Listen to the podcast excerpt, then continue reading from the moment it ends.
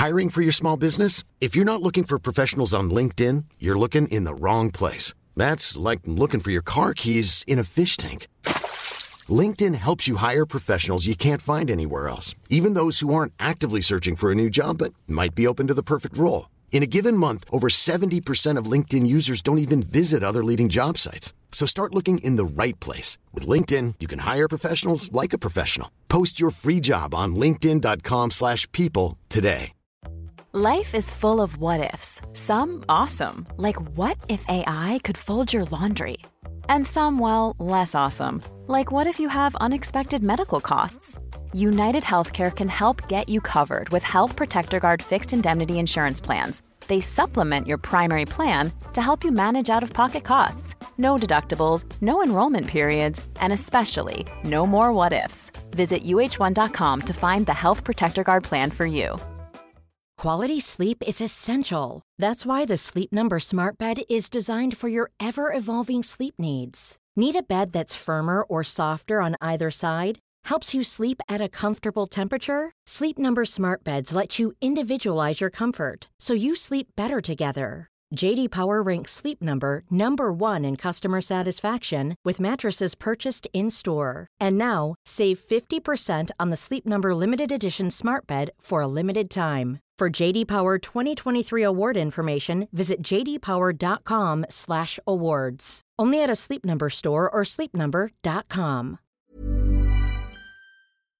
Vi är denna vecka sponsrade av Indie Beauty. Och Sofie, det här tycker jag är extra fint och extra roligt. Ja men Indie Beauty är ju ett skönhetsvarumärke som jag tror att väldigt många känner till, men det jag älskar mest det är att Indie Beauty liksom vill vara mer än bara produkter, vilket de ju också är. Exakt. Indie Beauty står ju för Independent Beauty, skönhet på dina villkor och för din egen skull.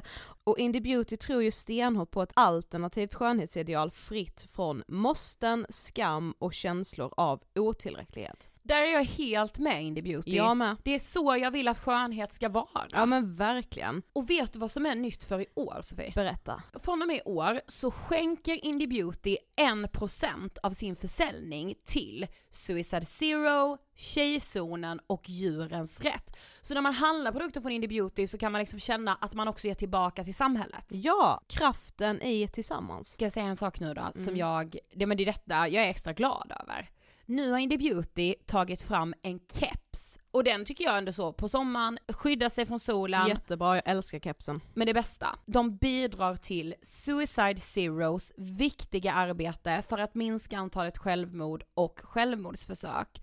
Så, för varje såld keps så går hela vinsten, 100 kronor, direkt till Suicide Zero. Då kan man liksom göra nytta både för samhället och sin hud på en och samma gång. Ja, och kepsen kostar 169 men alltså hela vinsten går då som sagt till Suicide Zero. Mm. Så om man vill göra skillnad när man är där ute i solen, nu när den börjar titta fram, då ska man välja den här kepsen. Den säljs exklusivt på indiebeauty.se och på Apotea. Tillsammans kan vi skapa en ljusare framtid. Vi ses med kepsarna på. Tack Indie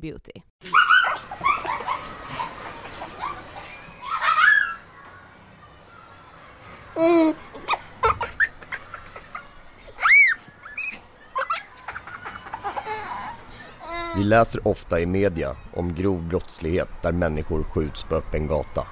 Vi kan föreställa oss hur hemskt det är. Det här avsnittet beskriver en annan brottslighet som är svårare att begripa men som inte på något sätt är mindre fasansfull. Du lyssnar på Ångestpodden-serie Vi måste prata om porr. Och idag träffar vi Ekpat och pratar om dokumenterade sexuella övergrepp på barn.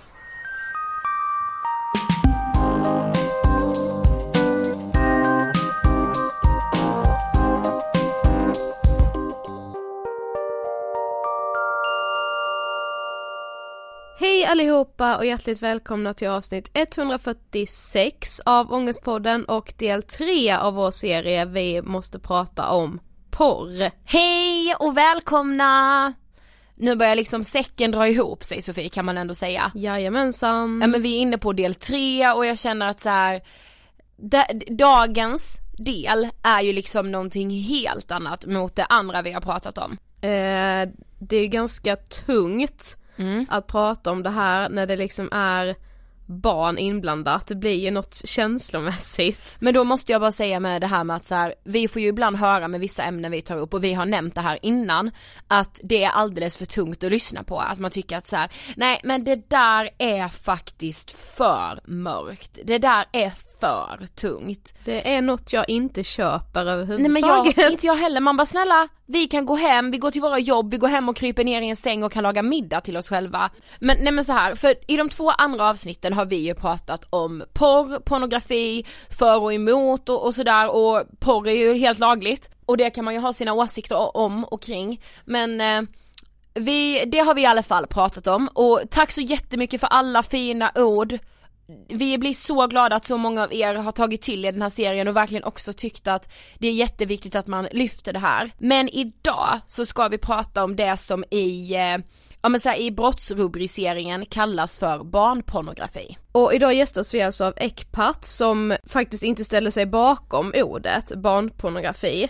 Eh, men ni kommer få me- veta mer om varför i intervjun, men det är anledningen till dagens rubrik på det här eh, Ja, på- avsnittet. Titeln på avsnittet liksom. Eh, och Ecpat är ju liksom en kär vän, för vi har ju träffat Ecpat innan. Yes. Nämligen när vi gjorde serien om prostitution. Mm. Då pratade vi om hur barn eh, säljs som eh, handelsvaror helt enkelt. Mm. Och idag kan man säga att vi fortsätter lite på det spåret men vi pratar framför allt om det som finns på internet helt enkelt. När barn har filmats eller fotats i sexuellt syfte. Mm. För vi hittade en rapport från NOA som står för nationella operativa avdelningen från polisen alltså. Mm. Och den visade alltså att det senaste året så har 15 000 svenskar hämtat hem filmade våldtäkter och sexuella övergrepp på barn. Mm. Det, det för mig är så här, jag får inte in det. Ja, men 15 000, Mm. alltså så här. Nej, det är lite svårt att greppa faktiskt. Och trots det så var det bara 119 personer som dömdes 2015 så jag tror att de här siffrorna är under 2016 då. Ja. Tänk hur många 119. barn som är, liksom är filmade och dokumenterade på olika sätt, alltså nej, alltså usch. Ja och det är så här, bakom varje klipp finns det ett barn som går igenom det här traumat som, Som- ska leva med det i resten av sitt liv. Precis. Och Den här personen laddar ner ett klipp och har det i sin dator och njuter av det några gånger och sen så köper de ett nytt klipp för att de har tröttnat på det, den videon. Men det här barnet ska leva med det här för resten av sitt liv. Alltså det är så jävla sjukt bra. Ja, och vidare sa de så här också att de som de väl hade hittat då, de här 15 000 Mm.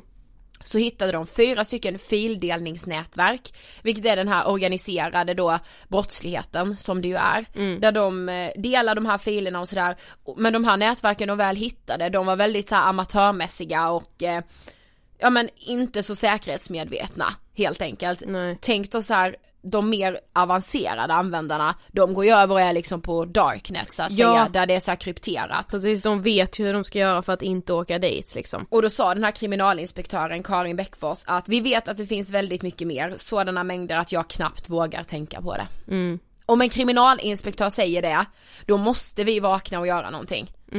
Och åtminstone liksom prata om det här problemet och liksom våga lyssna Ja. på de här berättelserna för det är så sjukt viktigt.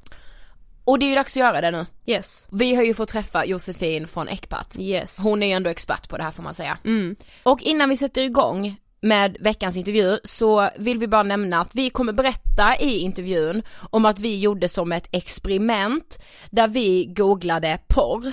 Nej men bara att förtydliga så här innan intervjun drar igång.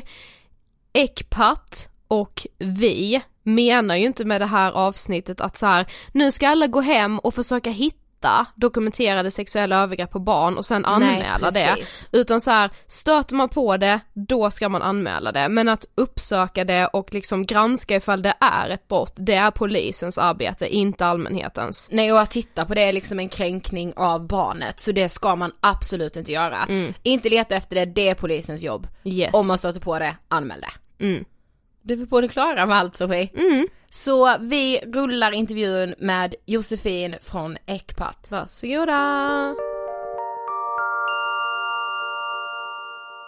Hej Josefin och eh, välkommen till Ångestpodden.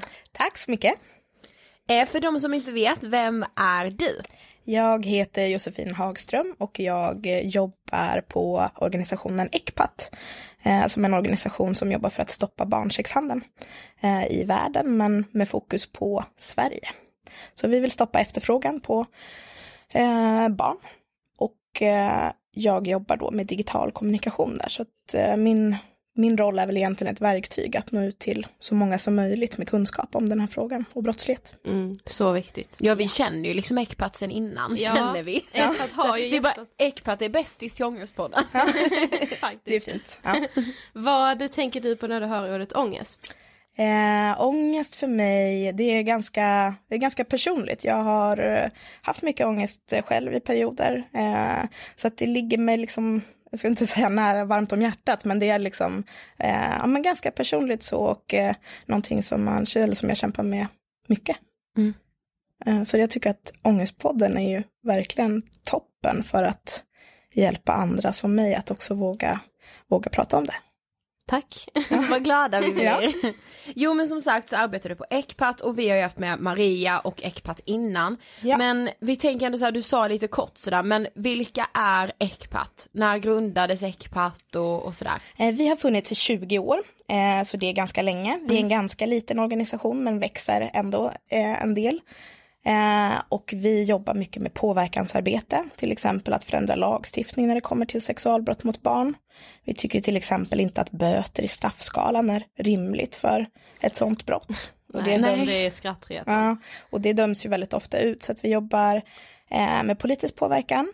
Men sen så jobbar vi också gentemot näringslivet, eh, att företag ska ta ansvar eh, när det kommer till barnsexhandel. För att idag är ju de, alltså de allra flesta företagen eh, finns på olika platser i världen eller i Sverige om man reser till exempel inom jobbet. Eh, och där ser vi att eh, företagen måste ta ett ansvar för att eh, eh, förhindra att, att brott mot barn begås, till exempel på resa.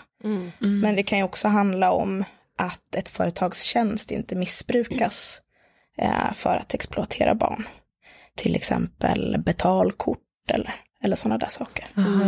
Och sen har vi ett tredje ben som jag då jobbar med och det är kommunikationen och att sprida kunskap för att eh, människor ska veta om att den här brottsligheten finns. Så att man ser den lättare och så att man anmäler eh, när man ser någonting som man tycker är misstänkt. Okej, vi har ju valt att döpa det här avsnittet till barnporr finns inte. Och då tänker säkert många, va? Det gör det väl? Eh, men förklara, varför finns inte barnporr? Eh, för att det som kallas för barnporr och barnpornografi är inte på något sätt pornografiskt. Det handlar inte om porr. Eh, det är bilder och det är filmer på sexuella övergrepp på barn. Eh, så att begreppet är ju väldigt problematiskt tycker vi, för att det, liksom, det visar inte på vad det egentligen eh, handlar om. Eh, och det är också Eh, alltså, det antyder ju lite att det, är, finns ett, att det kan finnas ett samtycke från, från barnet att medverka i pornografi. Men det, det kan inte ett barn göra, utan att det handlar om att, eh, att någon utnyttjar ett barn och sedan dessutom eh, dokumenterar de här övergreppen. Och ska man dra det lite längre så är det ju också att eh, det är ju, det blir ett bevismaterial på att ett sexualbrott mot ett barn har begåtts. Eh, och det tycker vi rimmar väldigt illa med att kalla det för porr. Ja, alltså det är, Ja det är alltså, men för i lagboken står det väl så här barnpornografi? Ja, precis. Eh, och det är egentligen nästan bara lagstiftaren och media som kallar det för barnpornografi och barnporr. Vi som jobbar liksom inom barnrätt, barnrättsorganisationer kallar det inte för barnporr.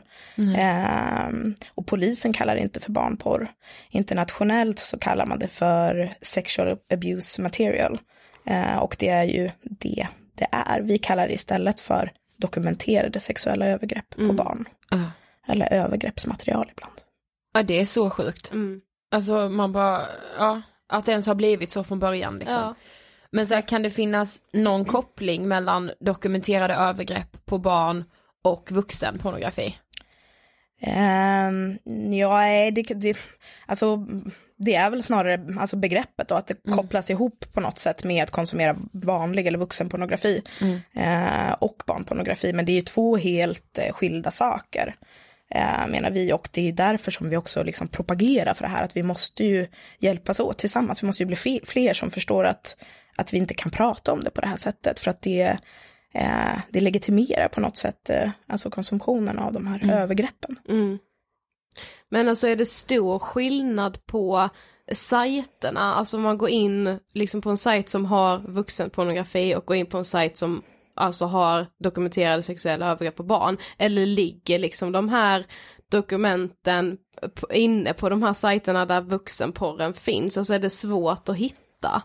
Nej, det är inte svårt att hitta.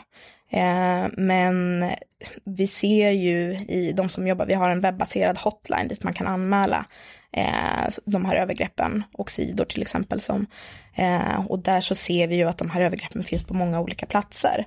Eh, man kan ju klicka sig vidare djupare ner och komma, men det är också mycket så här krypterade nätverk och molntjänster och sånt. Mm. Eh, och det gör Vad är också, det, molntjänster? Ja men du vet att man laddar upp någonting i, i, i molnet, man sparar inte ner det på sin hårddisk. Så att det laddas upp så tar det ner, tas det ner jättesnabbt efter att någon annan har laddat ner det kanske. Till exempel. Så att eh, det är ju en, eh, liksom, en organiserad brottslighet som hittar nya vägar eh, hela tiden för att kunna liksom hålla det här i de här övergreppsdokumentationen i rullning. Eller vad mm. Ja, för vi gjorde faktiskt ett test. Vi googlade bara porn. Och det sjuka var att på första sidan kom det ju upp barn. Mm, liksom, man tog bilder. Som blev utsatta. Ja, mm. vi bara, eh, det, alltså det är ju så sjukt på google. Alltså det var så en googling bort ja. liksom. Mm. Så, så kunde det finnas. Ja. Eh, men alltså det här tänkte vi på också. Alla som tittar tittar på de här övergreppen mot barn, mm. är de pedofiler? Nej, det behöver man inte vara. Alltså pedofili är en klinisk diagnos. Eh, och en person kan titta på de här övergreppen eller begå övergrepp eh, utan att ha den diagnosen. Mm. Eh, så att det är inte riktigt eh, samma sak. Nej, för det tänker man ju, tror jag, så här, gemene man ja. direkt att så här, ah, men då är, då, är det, då är man pedofil liksom. Precis. Mm. Men jag tänker alltså, eh, är alla som tittar liksom på dokumenterade sexuella övergrepp på barn medvetna om att det är eller så här, ja det är klart att de ser att det är ett övergrepp på ett barn men vet de liksom att det är olagligt? Eh, jag tror att de vet att det är olagligt, men sen så finns det ju, alltså jag tänker att de här personerna, om de blir liksom påkomna, eh, är väl i många fall väldigt manipulativa till exempel mm. och, och menar på att, men hur skulle jag kunna veta det? Och det ser vi ju i liksom stora fall som, eh, som har skett där vuxna har liksom betalat för att exploatera ett barn sexuellt. Mm. Att de säger, men jag kunde inte veta att personen var över 15. Eh, och det finns ju också en stor gråzon i den här liksom brottsligheten, där barn mellan 15 och 18 år eh, är otroligt drabbade. Just för att eh, det är lätt att säga, jag visste inte mm. att hon var under 15. Mm. Och då hamnar de någonstans där, fastän lagen ska skydda dem ända upp till 18 år. Mm. Och det gäller också eh, dokumenterade sexuella övergrepp, att eh, för att det ska klassas som ett dokumenterat sexuellt övergrepp mm. så måste det i bilden gå att liksom förstå att det här är ett barn. Eh, och hur gör man det? Ja, precis. Eh, då finns det eh, i lagen att, att de säger att eh, pubertetsutvecklingen går man efter. Eh, och vi vet ju att eh, ja, pubertetsutvecklingen börjar ju väldigt långt. ja. eh, före 18 år. Så att, väldigt ja. långt innan 18 liksom. Ja. Och för vissa kan det typ börja när man är så här Precis. 12 år. Det är jätteindividuellt liksom. Ja. Precis, så där måste ju verkligen lagstiftningen eh, stärka skyddet mot de här barnen. Ja så. det kan man lugnt säga, ja. alltså jag blir trött. Men det finns ju så här tecknad vuxenpornografi och sen finns det även tecknad eh, sexuella övergrepp på barn. Vad, vad vad tycker du om det? Eh, att det är en kränkning av barnet. Mm. För vi hittade så här på internet, alltså vissa som säger men vadå är det tecknat så då är det ju liksom Då har ingenting. det inte hänt i verkligheten. Nej, Liksom. precis. Men vi kände precis som du säger så här, men det är klart att det blir en kränkning för att ens så här, jag vet man blir så här, det ska inte ens tillåtas att det finns som en fantasi, Nej. tänker jag. Nej, men och det är ju en stor skillnad mellan vad som är en fantasi och vad som blir på något sätt en Ja. verklig handling. Men eh, det är ju, alltså, det är ju tveklöst en kränkning eh, mot barnet. Eh, men sen så är det ju såklart, det finns inget individuellt barn som, eh, som är drabbat på det sättet. Eh, men det går ju lite grann eh, in på detta med vart det här brottet är placerat i, i brottsbalken. Eh, Barnpornografibrottet räknas eh, som ett brott, eller det är ett brott mot allmän ordning. Eh, Det vill säga ett brott mot staten, eller ett brott mot lagstiftaren motiverar det med att det är ett brott mot alla barn på hela, i hela världen. Eh, samtidigt som vi vill att brottet ska flyttas till sjätte kapitlet, det vill säga sexualbrott mot barn. För då skulle barnet i de här bilderna också bli målsägande i brottet Ja. eh, och kunna få ett starkt liksom, juridiskt skydd i, i processen framåt. Där man då skulle kunna tänka sig kanske att eh, eh, ett tecknat eh, skulle kunna hamna under eh, 16 kapitlet. Ja. Jag tycker det är helt Gud vad sjukt att du liksom inte redan gör det. ja. Ja, men samtidigt så blir det också den här frågan om, om eh, tecknad barnpornografi då, att den, den tenderar också att ta över väldigt mycket. Mm. Att varför är det det som, som människor vill prata om? Ja. Eh, det är ju den, det minsta problemet vi Ja har. men verkligen. Eh, Även om man inte på något, kan kategorisera det riktigt heller. Men... Mm. Ja, någonting som chockade oss väldigt mycket också, det var när vi läste i boken Visuell drog, där eh, man hade intervjuat Jenny Sonesson, där hon menade att så här, ett väldigt vanligt inslag i både vuxenpornografi men också i dokumenterade övergrepp mot barn var incest. Och att det var någonting som typ så här, ja, men det att det växte, att det var väldigt, väldigt vanligt. Är det så? Eh, vi tog fram en, en studie i början på året som, eh, som handlar om barnpornografibrottet. Och då granskade eh, två forskare eh, många fall av eh, barnpornografibrott. Och i 48 procent av de granskade fallen så fanns det också ett brott som hade begåtts, eh, ett, att personen hade begått ett fysiskt sexuellt övergrepp på ett barn i i dess närhet. Och det är inte nödvändigtvis incest, eh, men det är väldigt viktigt att komma ihåg det när man pratar om det här brottet, att det ofta begås fysiska övergrepp som den här förövaren sedan fotograferar och filmar och sprider vidare. Eh, och om man utgår från det så inser man också att brottet måste prioriteras högre. Polisen måste ju få mer resurser. Det kan inte vara ett bötesbrott som liksom med låg prioritet, utan det här handlar ju om barn som kan tas ur en övergreppssituation. Ja. Så generellt så är det böter man får? Eh, det är, eh, straffskalan ligger från böter eh, för ringa barnpornografibrott eh, och maxstraffet är då sex år för grovt barnpornografibrott. Eh, och det finns nu en utredning som tittar på om maxstraffet ska höjas för barnpornografi eller för grovt barnpornografibrott. Eh, men det vi ser är ju att böter ofta, alltså man använder den lägre delen i straffskalan.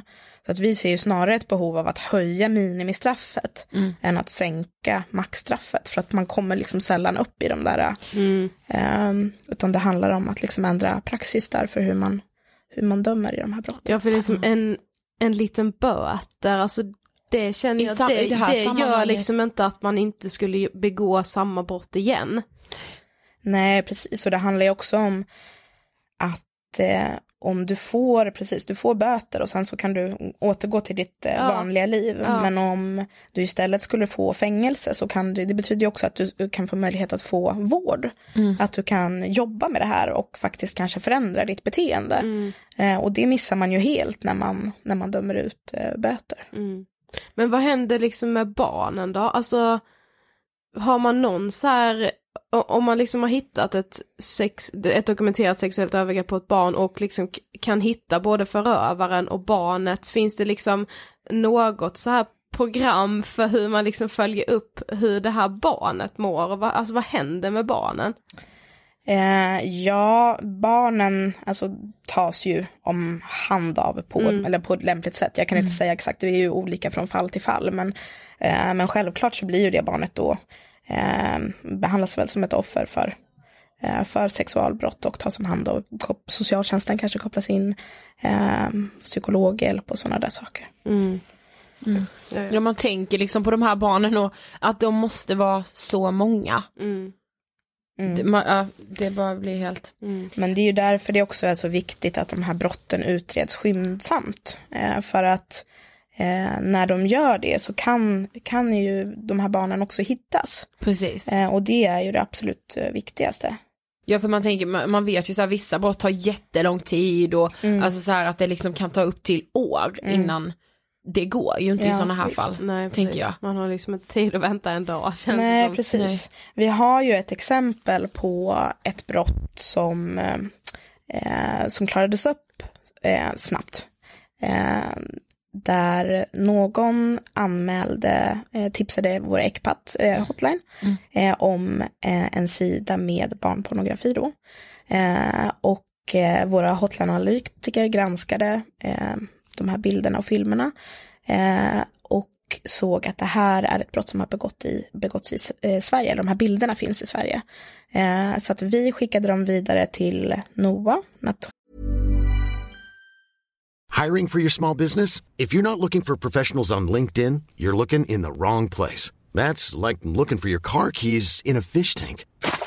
LinkedIn helps you hire professionals you can't find anywhere else, even those who aren't actively searching for a new job but might be open to the perfect role. In a given month, over 70% of LinkedIn users don't even visit other leading job sites. So start looking in the right place. With LinkedIn, you can hire professionals like a professional. Post your free job on linkedin.com/people slash people today. Quality sleep is essential. That's why the Sleep Number Smart Bed is designed for your ever evolving sleep needs. Need a bed that's firmer or softer on either side? Helps you sleep at a comfortable temperature? Sleep Number Smart Beds let you individualize your comfort so you sleep better together. JD Power ranks Sleep Number number 1 in customer satisfaction with mattresses purchased in-store. And now, save 50% on the Sleep Number limited edition Smart Bed for a limited time. For JD Power 2023 award information, visit jdpower.com/awards. Only at a Sleep Number store or sleepnumber.com.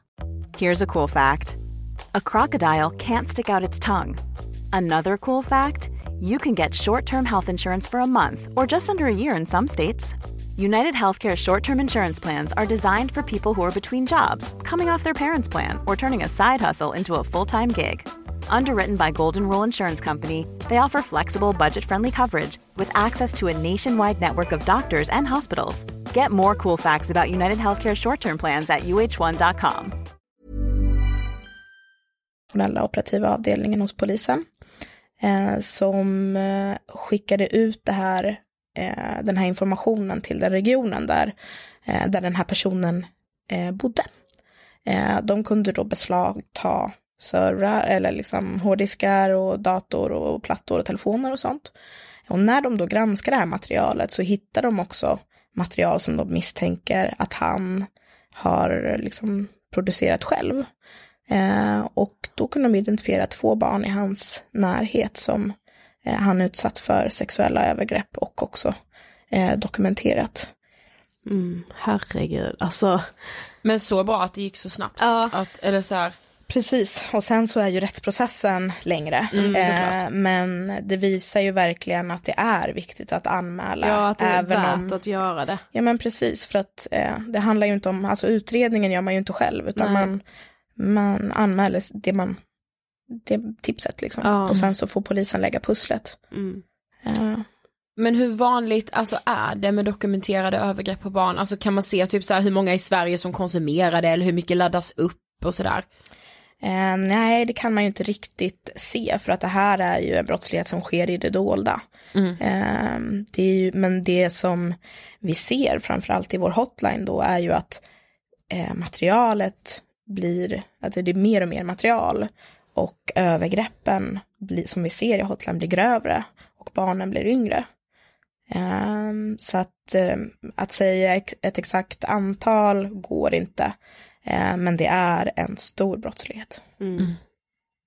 Men alltså vi har ju de tidigare avsnitten nu under den här serien pratat mycket om liksom hur sen när man börjar konsumera mycket porr så suddas gränserna ut, alltså att man först kanske börjar kolla på den vanliga mainstream-porren och sen blir den hårdare och sen så övergår det till kanske typ så här kolla på djursex eller våldtäkter och säkert i många fall också dokumenterade sexuella övergrepp på barn och det blir ju på något sätt extra känsligt när det liksom är barn involverade. Mm. Men alltså hur och vad kan man ändå som gemene man försöka göra för att ändå försöka minska det här problemet. Det känns ju som att man liksom, även ifall man själv absolut aldrig skulle bidra till något av det så vill man ändå göra någonting för att hjälpa de här barnen. Mm. Ja, dels så är det ju, tycker jag, jätteviktigt att till exempel vi har den här poddavsnittet nu, att vi pratar mm. om det här. Eh, att det är viktigt att förstå vad barnporr egentligen, vad det är för någonting. Mm. Att det är ett sexualbrott mot ett barn bakom de här bilderna och filmerna. Eh, så det är dels det, men dels också att alltid, alltid, alltid anmäla. Eh, och sen så måste man ju också förstå att idag så produceras ju också mycket material själva av barn. Det kanske inte är menat att liksom att spridas vidare. Eh, men man tar en lättklädd bild eller någonting, kanske hamnar i fel händer eh, och det sprids vidare på internet och det försvinner ju aldrig därifrån. Mm. så att det är någonting som vi måste bli bättre att prata med våra barn om. utan att liksom skrämmas för mycket. Men internet, det finns ju många liksom, fantastiska saker med internet. Eh, men den här risken finns och eh, studier visar också att eh, traumat som barnet upplever av att få liksom, de här bilderna och filmerna spridda på, på nätet eh, går att likställa med ett fysiskt eh, övergrepp eller om över, liksom, eh, ett barn blir utsatt för övergrepp då via webbkamera eller vad man ska säga. Mm. men övergreppet fortsätter för att det sprids till nya, mm. alltså den här handeln med det här materialet mm. börja sen. aldrig vara helt säker på att det har ett slut liksom. Nej, precis. Och att liksom det är många barn som säger det här att eh, jag vet inte om personen jag möter på gatan har sett det här. Nej. Eh, så att på något sätt så blir det då ett livslångt eh, trauma och det sätter ju också saker lite i, i perspektiv. Mm. mm. Ja men jag tänker mig för när vi gjorde förra avsnittet med, eh, med Maria från mm. Ecpat, då fick vi en del mail från föräldrar vars eh, små barn hade blivit kontaktade på så här, ja men appar. Mm. Som, ja men så här, ja men jag vet inte vad det är för appar man har men så här någon Barbie eller ja men så här verkligen. Mm. Mm. Ja men precis och det, det är ju uh. Det är ju så det är, alltså där barnen finns, där kommer de här förövarna också att finnas. Mm. Eh, och därför är ju det här samtalet med barnet otroligt viktigt. Ja, och de flesta apparna idag har ju chattfunktioner om det är spelappar Exakt. eller alltså vad det nu kan vara.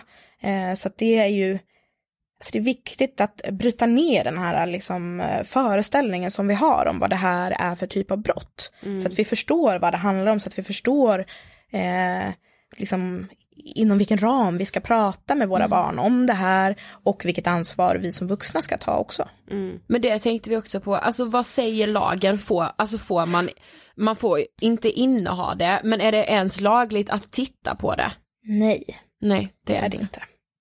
Precis, och eh, som lagstiftningen ser ut idag så är det en fallande skala kan man väl säga. Mm. Eh, där det, det, värsta då skulle vara att skildra barnet i en sån här bild eller film. Eh, där man sen kommer till spridningen av de här bilderna, filmerna, att ladda ner eh, eller att inneha den här bilden eller att titta mm. på dem. Mm. Eh, och där ser vi också att vi måste göra en förändring eftersom det finns liksom ingenting som är ringa eller som inte är grovt med att sprida de här bilderna. Och framförallt inte när då eh, det visar att liksom, traumat för barnet är exakt lika stort. Det går mm. liksom inte att göra skillnad eh, på det här sättet. Men eh, vi läste att Sverige var näst sist i hela Europa med att förbjuda dokumenterade sexuella övergrepp mot barn. Vad tänker du om det? Um, ja, det är ju det är ju en jäkligt lång resa som måste göras på något sätt. Mm. och det är liksom, sådana processer tar ju lång tid, men eh, vi har kommit en bra bit på väg, får man inte, alltså det är ju lätt att bli nedslagen också när man pratar om det här, men det finns ju liksom, alltså det görs mycket. Det får vi ju inte glömma bort när vi eh, blir djupt deprimerade av. Ja, men precis. Till exempel att ni finns. Ja, till precis. exempel att vi finns, precis. Men berätta om kampanjen Backa barnen. Ja, precis. Eh, vi har nyligen eh, under ungefär två veckors tid drivit en kampanj som vi kallar för Backa barnen. Eh, som har velat uppmärksamma eh, dat- frågan om datalagring. Eh, för att tidigare så har polisen då kunnat tvinga internetoperatörer att lagra data. Eh, och det är nödvändigt för att om polisen då får in ett tips om dokumenterade sexuella övergrepp mot barn så börjar det ju oftast med en IP-adress. Eh, och då måste polisen kunna få veta vem det är som har haft den här IP-adressen vid ett visst tillfälle. Eh, men sen överklagades det här till EU-domstolen. Eh, och EU kom då med sitt utlåtande som sa att nej men ni kan inte tvinga operatörer att lagra data längre. Eh, det, det strider mot det här. Eh, och det här har ju blivit en jättestor konsekvens för polisen. Eh, jättemånga av de här brotten har inte kunnat utredas. Det har varit en återvändsgränd. Eh, för att de sker på internet och brottsplatsen suddas ju liksom ut när man inte kan eh, gå tillbaka i tiden och titta vem som, eh, vem som hade den här IP-adressen. Så det ville vi uppmärksamma. Så det vi gjorde var att sätta en eh, stor tipsomat på Norrmalmstorg här i Stockholm. Eh, som vi fyllde med över 6000 gosedjur.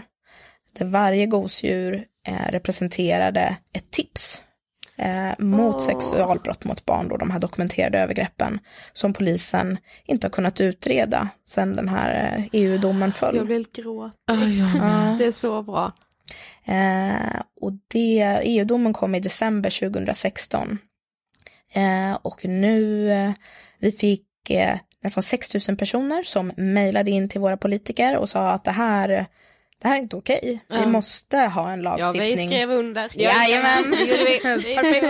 Nej men att vi måste ha en lagstiftning eh, kring datalagring som, som, som backar barnen. Mm. Det handlar ju om barnets integritet det här och brotten måste kunna utredas. Ja. Det handlar inte om en massövervakning. Nej.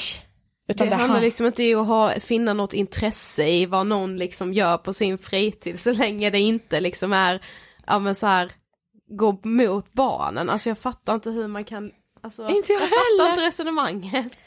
Nej, precis. Och det, men nu har då regeringen presenterade i förra veckan eh, en utredning om, om det här för att de tittade närmare på om, om det verkligen stämmer det här med. Eh, och de har kommit fram till att, att lagra data är nödvändigt för att kunna utreda de här brotten. Och eh, det finns positiva saker i utredningen och så finns det saker som inte är lika positiva.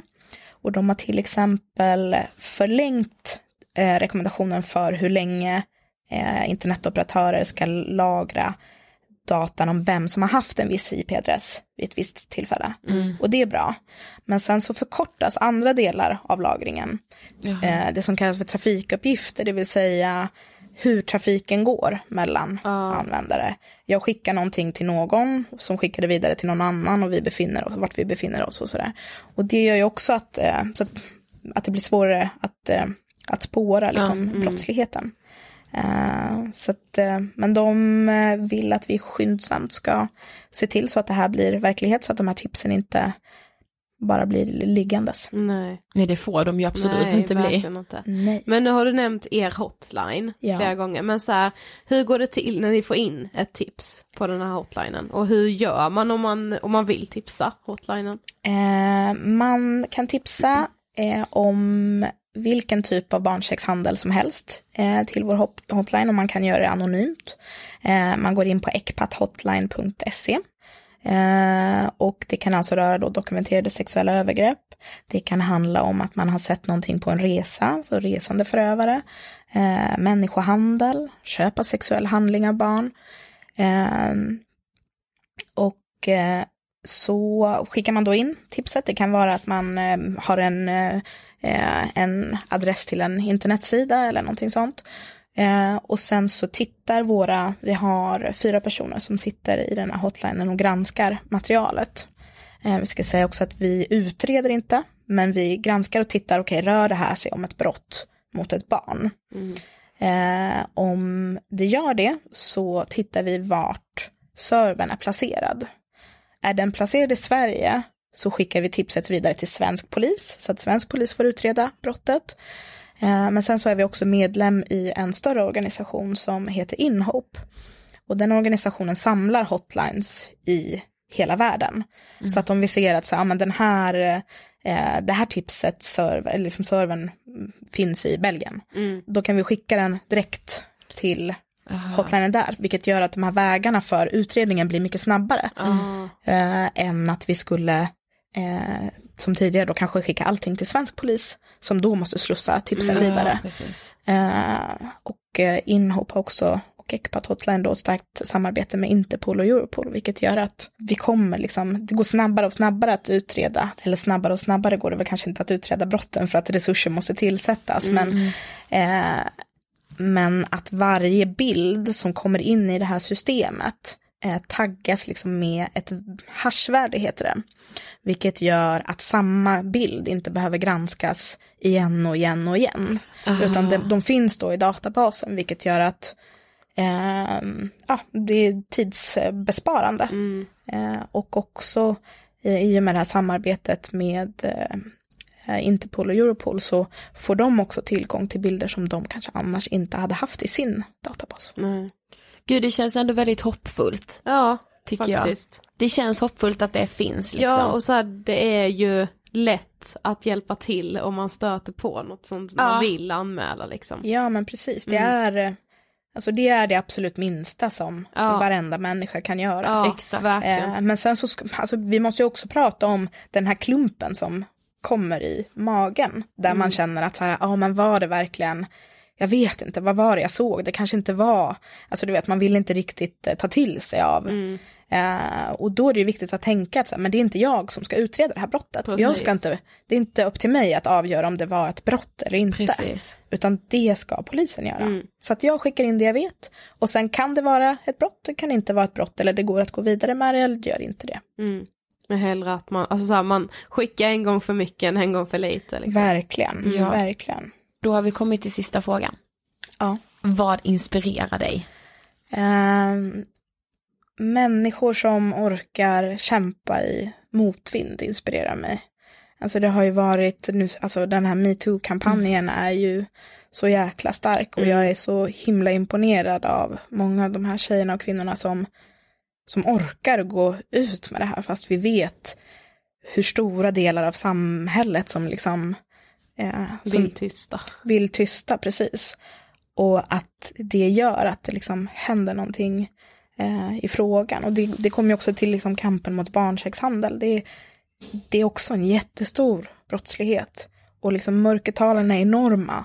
Men vi ger fasen inte upp utan vi fortsätter. Mm. Eh, så att, och det finns så många organisationer ECPAT-organisationer runt om i världen som, eh, som eh, arbetar mot den här handeln med barn och att vi aldrig ger upp, det inspirerar mig också. Mm. Mm. Det inspirerar mig med. Ja, kan verkligen. Ja. Tack så jättemycket för att du vill gästa Ångestpodden. Tusen tack för att jag fick komma hit. Ja. Sofie, vet du vad jag vill slå ett slag för? Nej. Ecpats hotline. Ja.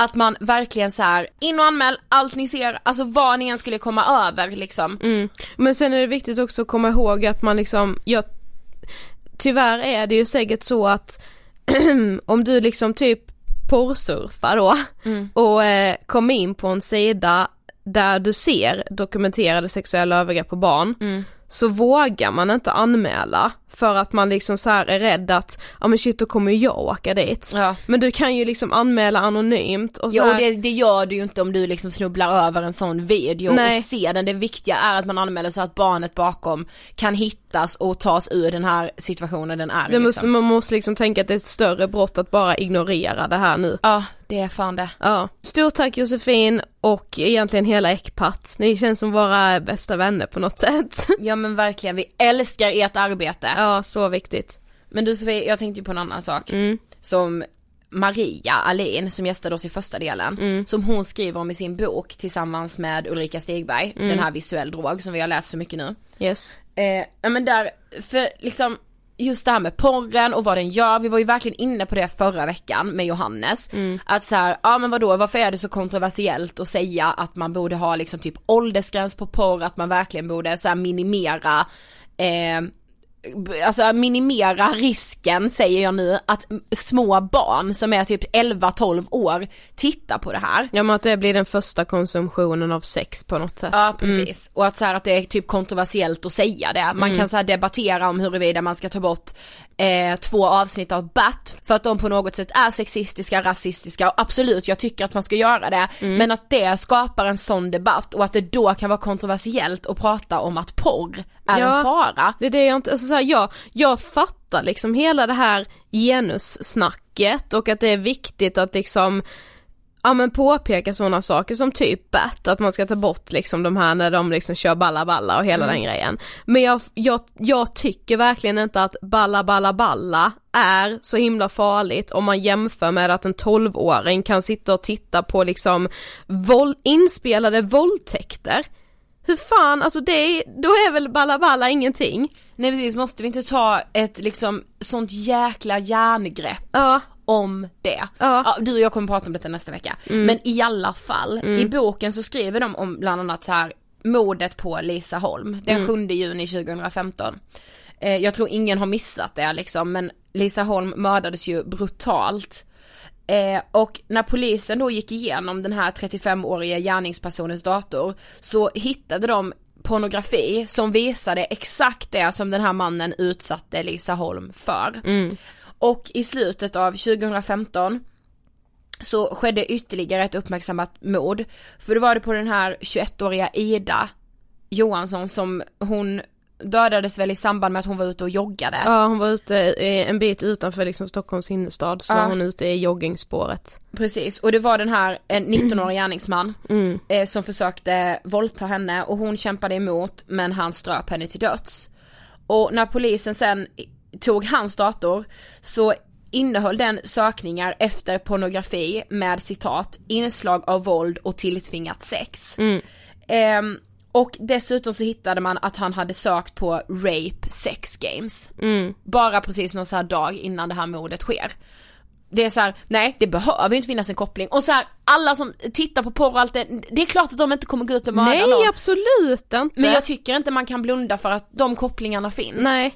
Exakt det han har tittat på är sen det han utför. Mm. Då måste vi ändå se det som att så här, shit det kan hända och det får ju inte kosta ett enda liv. Nej, och då ska vi ju komma ihåg att den här google-sökningen liksom sex, rape eller vad det nu var han hade googlat, det är ju inte den första googlingen han gör när han ska konsumera porr. Det är ju liksom, där är det verkligen säkert så att gränserna liksom hela tiden har suddats ut och liksom ja, dragits mer och och mer mot det våldsamma hållet. Precis, det är det jag menar. Och det som vi har pratat om i de andra två avsnitten också och här med eh, Josefin, alltså det finns ingen koppling mellan porr och sexuell, dokumenterade sexuella övergrepp på barn. Men den linjen kan ju också suddas ut och att det ska man liksom, alltså det måste finnas med när man pratar med unga människor om porr. Mm. Ja och jag håller ju också med Ekpat om, jag tycker inte, alltså jag tycker det är sjukt att den står i lagboken, barnpornografi. Det är helt sjukt! För liksom pornografi är ju lagligt. Ja och pornografi ska ju liksom egentligen vara så här något härligt och någonting som man kan utveckla Ja men sin det ska ju vara sexualitet. inspirerande. Ja men precis. Ja. Ja och sen, men sen bara barnpornografi och så tänker man att, men liksom för vuxna människor kan ju liksom ta ställning, det kan ju vara ett val för en vuxen att titta på porr eller liksom så här. Ja men det men kan vara ett val för de, de, som, även om det kanske inte är det för alla för att man på något sätt eh, ägs av någon annan, det handlar om människohandel och så när man spelar in porr, Mm. speciellt de här utsatta kvinnorna. Men att så här, de kan ändå välja att spela in den Det porren. kan fortfarande vara ett val ja, men det kan ju inte vara ett val för ett barn. Ah jag får panik Och därför Sofie. borde det inte heta barnpornografi utan dokumenterade sexuella övergrepp på barn. Ja. Yes, Jag därmed basta. Ut, ja men jag blir helt uttömd liksom, jag blir så ledsen av detta. Ja. Men jag blir så liksom så här, du vet, jag bara känner, vi måste bara prata så mycket om detta Mm. och vi måste bara lyfta den här frågan. Verkligen. Gud ja. Tack så jättemycket som sagt Josefin från Ecpat för att du vill gästa och tack för att ni har lyssnat. Ja det älskar vi ju er för. Mm. Vi tuffar vidare nästa vecka, sista delen. Yes. Eh, det blir eh, någonting som ni har liksom önskat under seriens gång. Mm, som vi inte tänkte göra först men som vi kände att jo, det, här måste, vi. göra. Ja, Mm. Precis, liten miss av oss i planeringen, Yes. måste jag säga. Mm. Men eh, det kommer nästa vecka, så slutet gott, allting gott. Ha det bäst tills dess. Hej då! Hej då!